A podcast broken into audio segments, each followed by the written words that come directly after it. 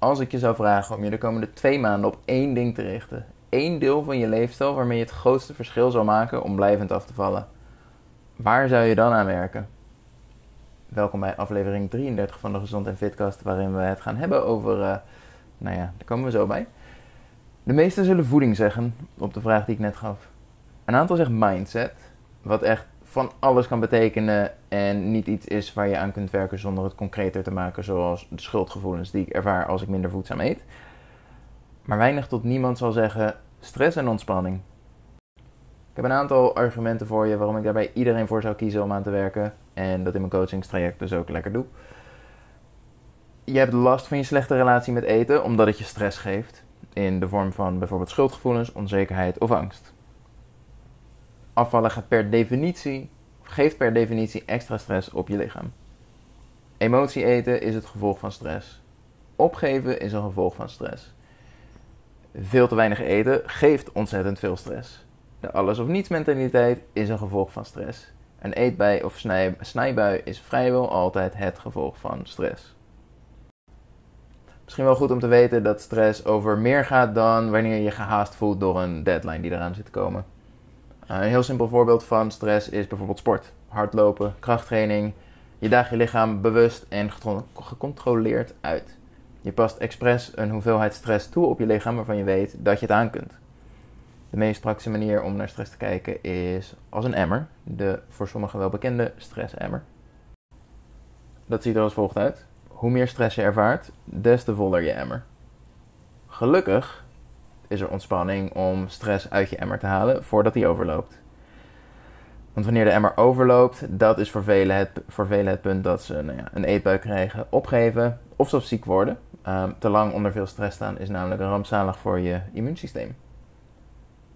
Wanneer je dus iemand bent die continu verkouden is, uh, hoofdpijn heeft, of die kleine kwaaltjes, um, kan het heel goed zijn dat je dus gewoon veel te lang veel te veel stress Ehm, zowel fysiek als mentaal. Dus misschien sport je te veel, maar het kan ook zijn dat je gewoon ja, veel te veel van jezelf vraagt. Het goede nieuws is dat we hier vanaf drie kanten mee aan de slag kunnen. Dat geeft nogal wat mogelijkheden. De makkelijkste hiervan en de meest voor de hand liggende is ontspanning. Ontspanning is de manier om stress uit de emmer te halen. Er is één manier ontzettend effectief om die emmer te legen. Misschien heb je er wel eens van gehoord, misschien heb je het wel eens geprobeerd. Waarschijnlijk besteed je er niet genoeg aandacht aan. Ik heb het over slaap. Er is niets effectief, effectiever dan slaap om je stressemmer te legen. Nu kan ik daar een aflevering op zichzelf over maken, over slaapkwaliteit en slaaphygiëne. Ervoor zorgen dat de uren die je in bed doorbrengt ook voor maximale ontspanning zorgen. Iemand met hele slechte slaaphygiëne kan 6 uur slapen en uh, minder uitgerust zijn dan iemand die maar 5 uur slaapt. Um, maar dat stuk in ieder geval wel in orde heeft. Maar de makkelijkste twee dingen die iedereen zou moeten doen. Echt, als je dit niet doet, kun je nooit bij mij aankloppen en claimen dat je serieus bezig bent met afvallen of je gezondheid. Tenzij je wisselende diensten rijdt, maar daar komen we zo op. Nummer 1, je telefoon blijft ver uit buurt van je bed. Het liefst niet eens in de slaapkamer. Nog even op bed in je telefoon zorgt namelijk voor urenlang verminderde kwaliteit van je slaap wanneer je dan überhaupt eindelijk in slaap valt.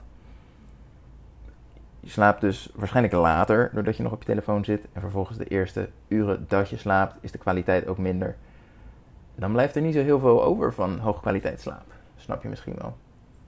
Nummer 2. Vaste tijden van opstaan. Waarom ik dat zeg en niet vaste tijden van naar bed gaan. Omdat dat de meeste in het begin niet lukt. En je dan maar langer in bed blijft liggen om te compenseren. Met een vaste tijd van opstaan, zonder uitzonderingen, ook het weekend. Gaat op tijd naar bed gaan uiteindelijk vanzelf als je daarnaast ook een goede slaaproutine toepast. Vaste tijden van opstaan, geen telefoon in de buurt van je bed. Volgens mij niks ingewikkeld. Dat is je alarm instellen tot je je alarm niet meer nodig hebt omdat je netjes op tijd naar bed gaat. En je telefoon een heel eind uit je buurt houden. Kan iedereen, heel weinig doen het. Ik snap niet waarom. Na slaap is er natuurlijk nog veel meer mogelijk qua ontspanning. Maar het zal nooit, nooit opwegen tegen de effectiviteit van slaap. Een beetje alsof, zeg maar, Met slaap kan je gewoon je emmer praktisch omkeren. En met andere vormen van ontspanning mag je met een, met een heel klein kopje mag je er steeds een paar druppeltjes water uithalen.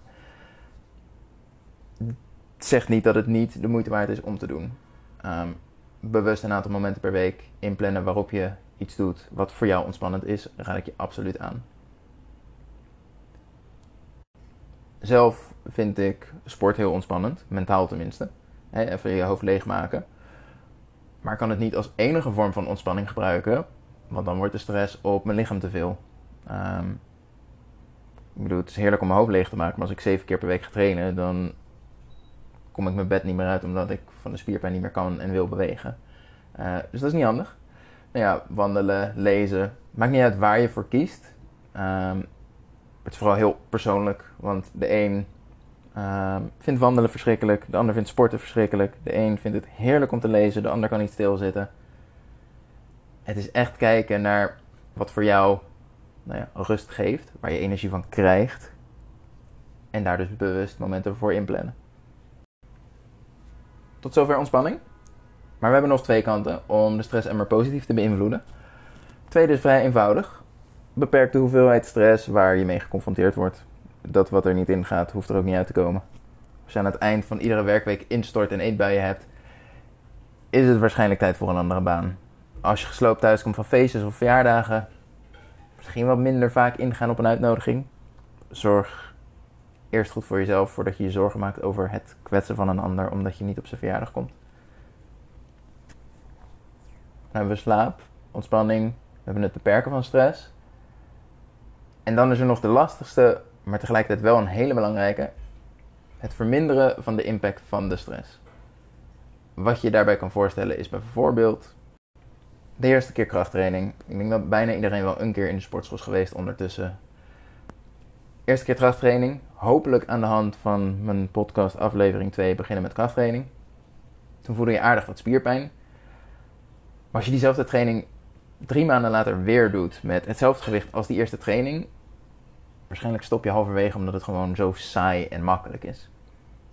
Het geeft geen stress meer op je lichaam, omdat je lichaam sterker is geworden. En dat is nu precies wat je wil, maar ook buiten de sportschool om. Jezelf gecontroleerd en bewust uitdagen met korte stressmomenten, zodat je steeds iets sterker wordt.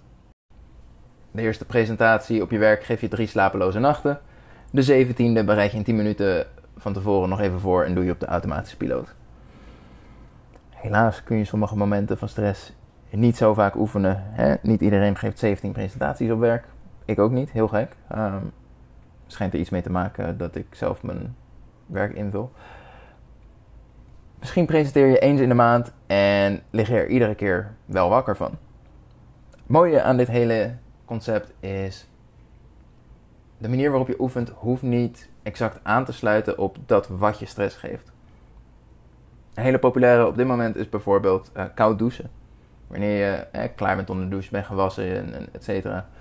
Um, nog even 1 minuut, 5 minuten onder het koude water.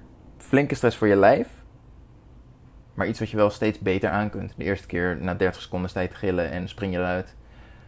Een maand later staat hij kouder dan eerst. Sta jij langer dan eerst. Um, je wordt gewoon veel sterker erin. Klinkt heel raar. Relaxter zijn, minder gestrest zijn tijdens een presentatie door wekenlang koud te douchen. Ja, dus. Jezelf uitdagen en die uitdaging keer op keer overwinnen. Dat maak je niet alleen sterker, stressbestendiger, het geeft je ook gewoon een stukje zelfvertrouwen. Zorg ervoor dat je stress emmer minder vol raakt. Daarnaast beperk je hoeveel stress je jezelf aan blootstelt door bijvoorbeeld niet veel te weinig te eten. En ontspan je iedere dag door goed te slapen. Als we dit op school zouden leren toepassen, had half, half Nederland nu in ieder geval geen overgewicht. Dat meen ik. Helaas is dat niet het geval, dus beter laat dan nooit. Nu is het aan jou om het toe te passen. Tot slot. Als jij nou na jarenlang diëten en mislukte afvalpogingen klaar bent om echt gezond te leren leven en blijvend af te vallen, bijvoorbeeld door leren omgaan met stress, zoals ik je net uitgelegd heb, heb ik goed nieuws voor je. Ik heb op dit moment twee plekken beschikbaar voor mijn coachingstraject. Dat is één op één begeleiding door mij persoonlijk maar er zitten wel een aantal eisen aan vast om hier gebruik van te kunnen maken. Eén, je hebt minstens 10 kilo te verliezen. Mijn coaching is namelijk enkel voor vrouwen met overgewicht. Je wil werken aan een gezondere relatie met voeding en komt niet bij me voor crash dieet nummer 27. En je bent in staat om binnen nu en 14 dagen te starten. Ben jij dat? Ga dan naar koningfitness.nl en klik op het knopje coaching. Ik zal de link ook in de beschrijving van de podcast zetten. Wat misschien wel fijn is om te weten is, voordat je je überhaupt kan aanmelden, vindt er eerst een intakegesprek plaats. Dat is voor mij om te oordelen of jij inderdaad het maximale uit het traject kan halen op dit moment. Ben je er echt klaar voor? En is natuurlijk voor jou ook het moment om te kijken. Um, weet je, leuk die Jury in zijn podcast, maar als die uh, met mij in een videogesprek zit, is die dan nog net zo fijn. Um, hè, volgens beide om even te kijken, wordt dit hem? Um, dus je zit nergens aan vast wanneer je inderdaad op de knop drukt op de website. Uh, we gaan elkaar eerst spreken en komen dan tot de conclusie, gaan we dit doen? Dus ben je een vrouw met overgewicht die klaar is met diëten, dan uh, is dit voor jou. Koningfitness.nl, klik op knopje coaching of klik de link in de beschrijving van deze aflevering. Dat was hem voor vandaag. Tot de volgende aflevering weer. Jee.